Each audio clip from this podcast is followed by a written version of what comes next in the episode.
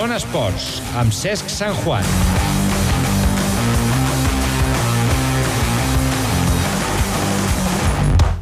Diumenge a la pista al Madrid, a Madrid, el Morabanc Andorra té una oportunitat única d'equilibrar el balanç de victòries i derrotes. Serà la primera vegada que aconsegueix en el retorn a l'ACB, un fet anecdòtic, però també amb un clar significat. Aquest equip vol anar més. Arrenquem.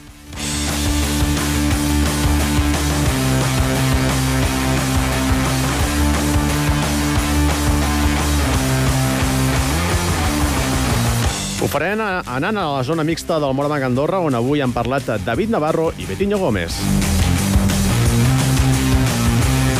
Acabarem aquesta versió reduïda del Zona Esports eh, parlant de motor i de gel. Demà arrenca el trofeu Andros. Ricard Porcuna, els controls, els parla C. Sant Juan. I això, ja ho saben, és el Zona Esports. Som-hi!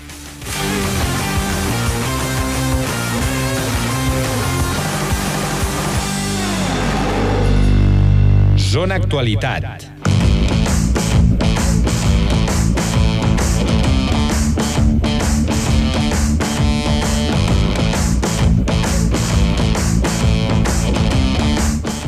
Comencem, com dèiem, eh, parlant del Morabanc Andorra i d'aquesta zona mixta que hi ha hagut avui. Abans, però, eh, permetin-me que faci un breu apunt eh, molt lluny d'aquí. Eh? Ens anem fins a, fins a Rússia, on està jugant, eh, com sabem, un jugador que s'ha format, que ha nascut aquí a Andorra i que s'ha format aquí a les categories inferiors del Morabanc Andorra, com és el cas de Quino Colom, i perquè val la pena doncs, fer aquesta referència, i és que ahir Quino Colom va ser doncs, el, el MVP uh, de la Eurocup, després de fer un partidàs increïble.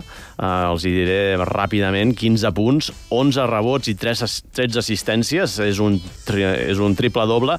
Uh, de fet, és el primer triple-doble que s'aconsegueix uh, amb aquest equip.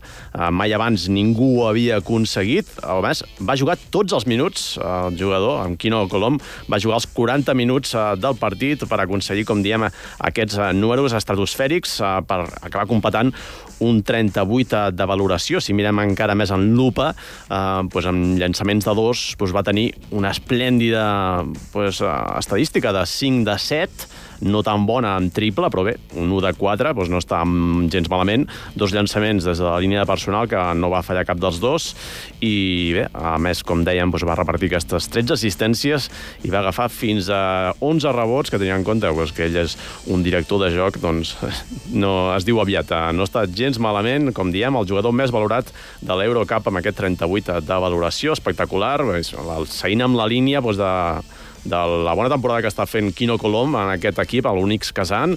Uh, llàstima que no el puguem veure a la Eurolliga, però bé, pel camí que van, doncs, uh, potser l'any que ve sí que el veiem i veurem si després d'aquestes grans actuacions doncs, continua en aquest equip o segurament més d'un equip intentarà trucar a la seva porta per aconseguir els seus serveis. Uh, seguim, seguim i ho com dèiem, ho fem parlant del Morabanc Andorra, que jugarà aquest cap de setmana contra el Movistar Estudiantes, un equip que està necessitat de punts, només ha aconseguit una victòria en aquestes nou primeres jornades. Recordem que el Morabanc Andorra està residint ara a la part mitja de la taula amb, aquesta, amb aquest balanç de quatre derrotes, ai, quatre victòries, perdó, i cinc derrotes, i com, com dèiem, doncs, hi hauria la possibilitat per primera vegada des de que tornem a l'ACB d'aconseguir equilibrar aquest balanç de victòries i derrotes. Eh, sentirem ara a David Navarro i també a Vitinho Gómez, que han passat avui uh, per, la, per la sala de premsa, i el primer que els hi hem preguntat és com arriben una mica els dos equips amb aquest partit. Escoltem-los. Van amb, amb la pressió aquesta de que estan allà baix, que necessiten guanyar, juguen a casa, i bueno, nosaltres intentem aprofitar ara el bon moment, sembla que estem més bé, i bueno, sabem que és un rival directe que ens aniria molt bé aconseguir una altra victòria. Quan es guanya sempre tot sembla més fàcil, però bueno, no ens podem relaxar gens perquè bueno, ja ens hem saltat totes vegades que després de guanyar sembla que baixem un altre cop al punt aquest d'intensitat que és el que ens fa, ens fa guanyar. Sí, yo creo que va a ser un, un partido trampa, como les repuso, ¿no? Es un partido en que si nos relajamos, a lo mejor puede ser complicado para nosotros. Hay que pensar igual que es un equipo, um, por ejemplo, como Madrid o algo así, intenta darlo todo para ganar. Ja saben com som els periodistes i bé, fa quatre dies doncs, parlàvem de que teníem una minicrisi i ara, doncs, com dèiem, estem al lloc 10. Eh, recordem que els vuit primers classificats eh, van a la Copa del Rei i ara mateix doncs tenca aquests eh, vuit primers classificats, el tenca el FIAC Joventut, que té només una victòria més eh, que el Morabanc Andorra amb, de, sota aquests paràmetres, doncs, evidentment, doncs, els ha preguntat als jugadors eh, doncs, per aquesta possibilitat, no?, de si hi ha il·lusió doncs, per intentar classificar-se per la Copa, tot i que ells em sembla que no en volen sentir gaire parlar i prefereixen anar partit a partit. Això és el que ens han dit David Navarro i Betiño. Ens anirem apropant, però encara queda molt lluny, encara queden molts partits i això canvia molt d'una setmana a una altra i, bueno, a poc a poc aquest partit serà important perquè és un rival directe i ens aniria molt bé guanyar, però s'ha de treballar bé. No, no se habla de Copa, se habla del próximo partido, que es de estudiantes. Y bueno, ya el Copa es el resultado de, del trabajo que, que hacemos. Si seguiremos trabajando bien y ganando partidos, a lo mejor estaremos ahí. Doncs bé, la consigna al vestidor està clar, eh, que és aquesta de no llançar pues, uh, campanes al vol i bé, uh, ser pues, uh, humils i pensar partit a partit, com s'acostuma a dir en aquests uh, casos. El Movistar Estudiantes és un equip uh, que, com dèiem abans, només ha aconseguit una victòria i cap d'elles ha estat en, en la seva pista. Uh, de fet, uh, també és veritat que molts partits els ha, partit, els ha perdut de manera uh, molt ajustada també els hem preguntat això, no? Però si, si pot influir el fet de, de que tinguin aquesta pressió afegida d'encara no haver guanyat a casa, una cosa que nosaltres hem viscut en les nostres cars eh, aquesta temporada, i és que l'inici de la Lliga també ens va costar doncs, aconseguir aquesta primera victòria al poliesportiu d'Andorra. Imagino que això els farà, els influirà, no? perquè quan, quan no has guanyat encara a casa, imagino que, que en tens ganes i sents una mica la pressió al final si està el partit igualat, però bueno, hem d'aconseguir jugar una mica amb això, no? intentar arribar bé als minuts finals i, i saber, saber guanyar.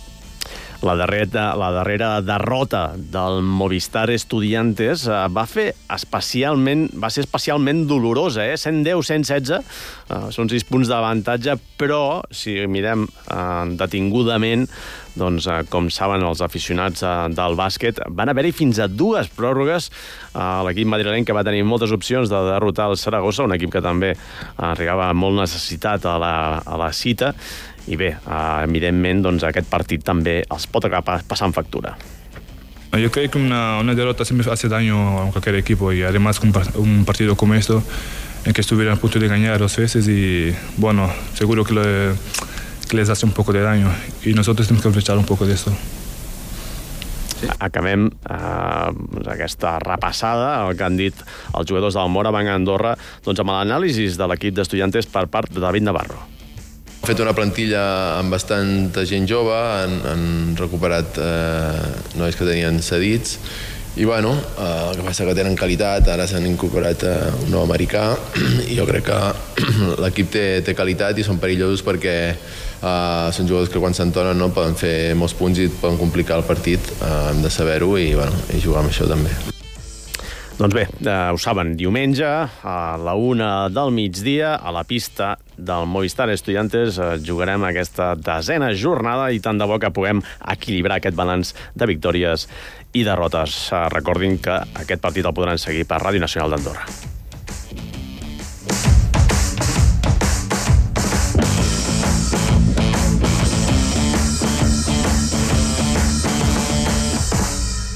Zona prèvia.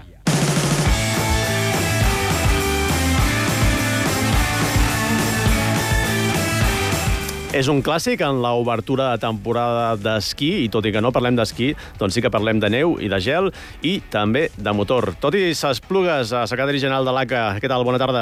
Hola, bona tarda. Doncs eh, arrenquem de nou a un any més amb l'Andros, crec que és des del 95, eh, que ja es disputa, i bé, normalment eh, sempre la pregunta primera que t'acostem a fer els mitjans en aquestes alçades de la temporada és com està la pista, no? Perfecte. Perfecte. De fet, és un dels anys que hem tingut més plàcid, més temps per treballar, que més ens ha acompanyat el temps, ens va nevar al novembre, de fet, el circuit ja va arrencar amb activitats la setmana passada, però tant hem pogut anar treballant tranquil·lament i, bueno, la pista està, estic sobre el gel, està preciosa, tot a punt per esperar els equips. És una zona que realment, doncs, força obaga i allà es conserva molt bé la neu que, que ha caigut aquests dies i, i el fred hi és també, no? Sí, el Freddy, eh? són 2.400 metres, amb molt poques hores de sol al migdia encara al desembre, vull dir, bé, les condicions són bones, no, no neve, ens deixa treballar, ens deixa avançar amb la pista i, bueno, tot perfecte, dic és un dels anys que ho podem tindre tot més a punt. Uh -huh. eh, doncs tant de bo que s'acabi arrodonint doncs, d'allò més eh, aquest eh, trofeu Andros, que potser, per destacar alguna cosa, eh, novetats, eh, a la tornada de motos, no? i que també en presència andorrana, per exemple. Sí, tornant en motos, que també ens agrada, és, forma part de l'espectacle. Habitualment van anar a tres pistes, nosaltres feia tres anys que no ens visitaven, tornant les motos, i bueno, la possibilitat de tindre dos, dos invitacions, dos wheelcars, per dos pilots andorrans, no? Espanya, Antor, estaran aquí, podran disfrutar-ho, podran competir contra els especialistes de les motos, i bueno, és, és, és reconfortant tindre, ens il·lusiona tindre pilots de casa, encara que siguin motos, no, no és la disciplina de l'automòbil, però bueno. Mm -hmm. el, el fet de, de que hi haguin dos uh, pilots andorrans, uh, tenint en compte que potser l'Andros pues, sempre arrossega molt públic uh, de, de la zona de França o del pas de la casa, uh, potser això pot uh, diversificar una mica el tema de públic, no?, i que, que encara hi hagi, pugi més gent al circuit d'Andorra. Sí, l'Andros puja gent, sempre tenim sobre les mateixes xifres de, de públic, entre 3.000 i 6.000 persones. Sí que és veritat que França és un país amb molta tradició, molta afició, i el campionat és molt conegut, per tant hi ha molt públic francès, i també pel públic espanyol, català, valencià, del, del, del País Basc. És una oportunitat per veure velocitat sobre gel, no? Qualsevol altra prova de velocitat sobre gel els hi queda molt lluny, Monte Carlo, Rally Suècia o altres trofeus Andros als Alps, aquí hi queda relativament a prop, molt públic espanyol i esperem que amb les motos i l'espectacle que és l'Andros, molt públic de casa també. Mm. És la segona prova que es fa en aquest trofeu Andros, la primera es va fer eh, la setmana passada a Valdoguin i no sé, no sé si t'atreveixes a, a augurar algun favorit. Bueno, crec que el gran favorit de l'Andros i sobretot a la pista d'Andorra, que crec que li han de dedicar a Corbellà, eh, mm. és Jean-Philippe Deró, no? Jean-Philippe Deró amb Mazda, defensant el títol amb Mazda aquest any, van trencar dos motors a, a Valtorens, zero punts, suposo que molt motivat, amb moltes ganes, molt treball a darrere de massa perquè el cotxe funcioni, jo crec que a priori ha de ser un dels grans favorits, sempre que Panís li, eh, el deixi guanyar, eh, també. Mm -hmm. A més que Duró que té la, la família aquí ben a prop, no? que normalment sempre és una, una cursa especial per ell, no?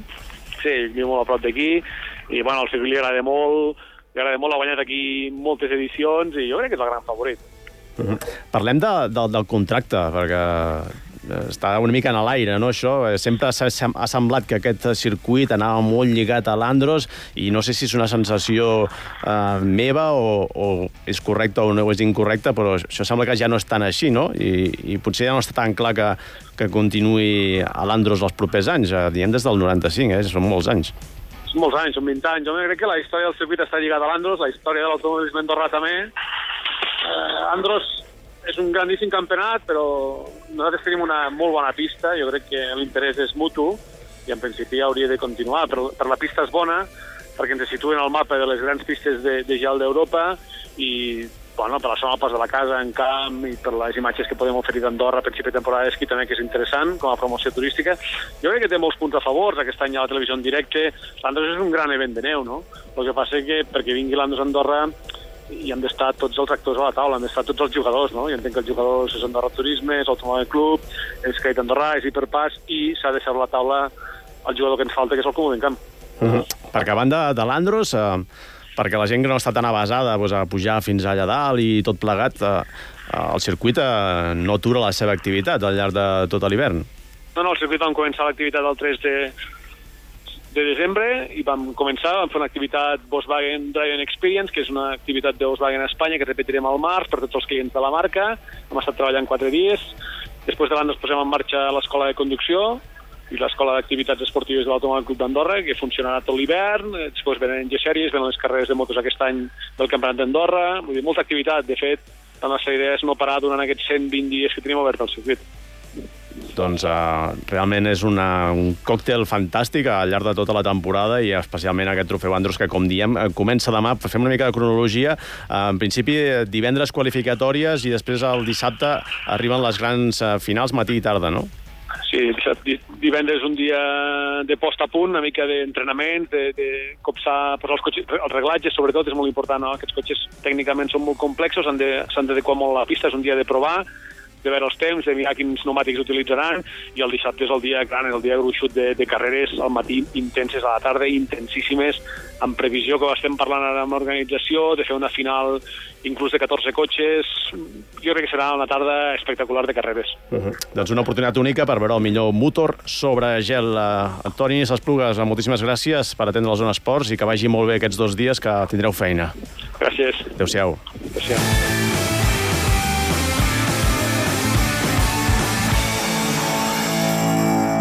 Zona Neu.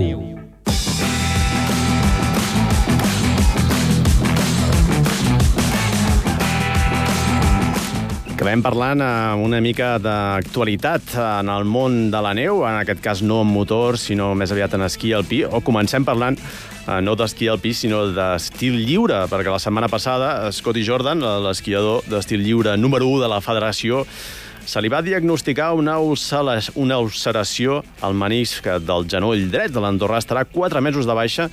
Jordan, de només 22 anys, tem que se la parti de la federació. En els entrenaments eh, de fa dues setmanes als Alps alguna cosa no anava bé. Això és el que va notar el bo de l'Escoti. Uh, un cop a Andorra es va confirmar. Jordan uh, pateix, com dèiem, aquesta ulceració al genoll dret. Un cop més haurà de passar la temporada en blanc i no precisament per la neu que acabarà trepitjant. Escoltem ara l'esquiador de la Federació Andorrana d'Esquí, Scotty Jordan.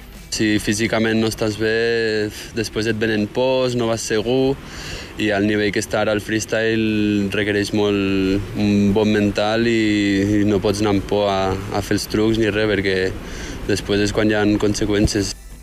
La federació ja havia alertat Jordan que aquesta dinàmica continuada de lesions no podia continuar.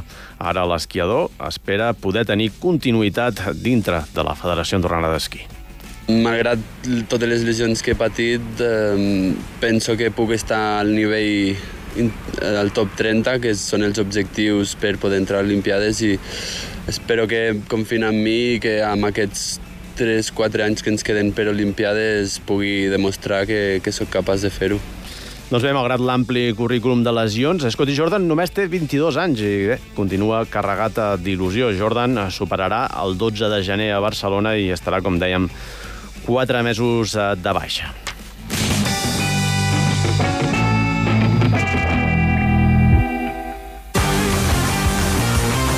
Zona Esports.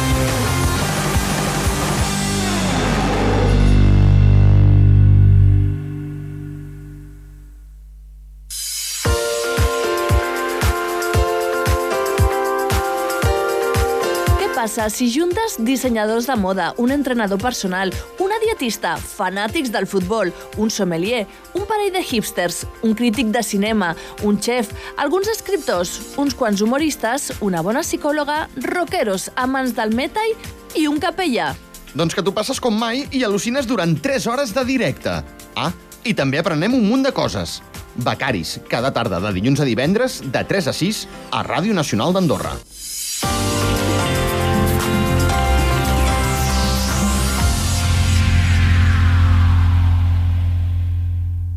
Becaris, amb Xavi Albert i Mary Picard. Vent, fred i neu. La temporada d'esquí ja està en marxa. Calça't els esquís i no perdis detall del que passa als camps de neu del país. Competició, agenda i el seguiment més acurat de l'actualitat meteorològica en clau de neu. Tot això i molt més cada divendres a dos quarts de nou del vespre a Andorra en blanc.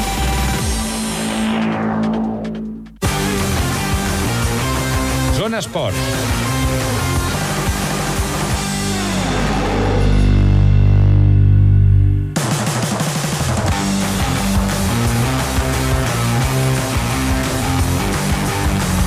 Doncs abans d'acomiadar-nos, eh, parlem de neu, perquè tenim una agenda doncs, eh, molt atapeïda i molt atractiva. De fet, eh, ara mateix, o estan a punt de començar, eh, avui sí, eh, recordem que ahir s'havia de disputar a Canadà aquest eh, descens eh, per part de Marc Oliveres i Joan Verdú, es va suspendre per la intensa nevada que estava caient a l'estació de Lake Louise. I bé, avui sí que sembla que es podrà baixar, perquè de fet estaven corrent ara mateix les noies i acte seguit, un cop acabin les noies, ho faran els nois, com diem, amb dos andorrans com a protagonistes amb aquest descens eh, FIS. Eh, més coses encara de més importància que vindran eh, ben aviat eh, per part dels nostres esquiadors de la Federació Andorrana d'Esquí i també dels surfistes de neu, perquè demà passa l'acció Lluís Marín, eh, que debutarà en la primera Copa del Món d'aquesta temporada.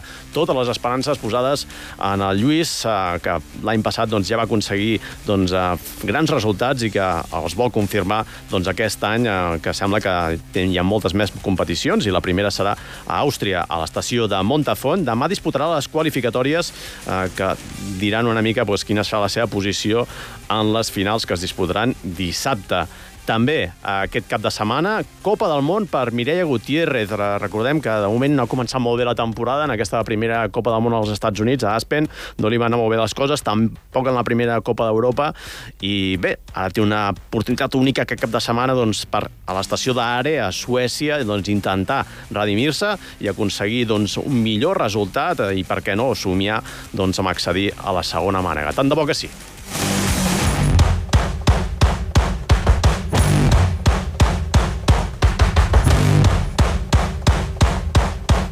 Doncs bé, parlant d'esquí, acabem. Recordem eh, que, com dèiem, demà també comença el Trofeu Andros, eh, per si ens quedem ja una mica amb les coses que passaran aquí a casa nostra. Com dèiem, demà classificatòries, eh, les finals seran el dissabte. Nosaltres, el Zona Esports, eh, també tornarà demà. Eh, gràcies per la seva atenció i aquí els esperem. Que vagi molt bé. Adéu-siau.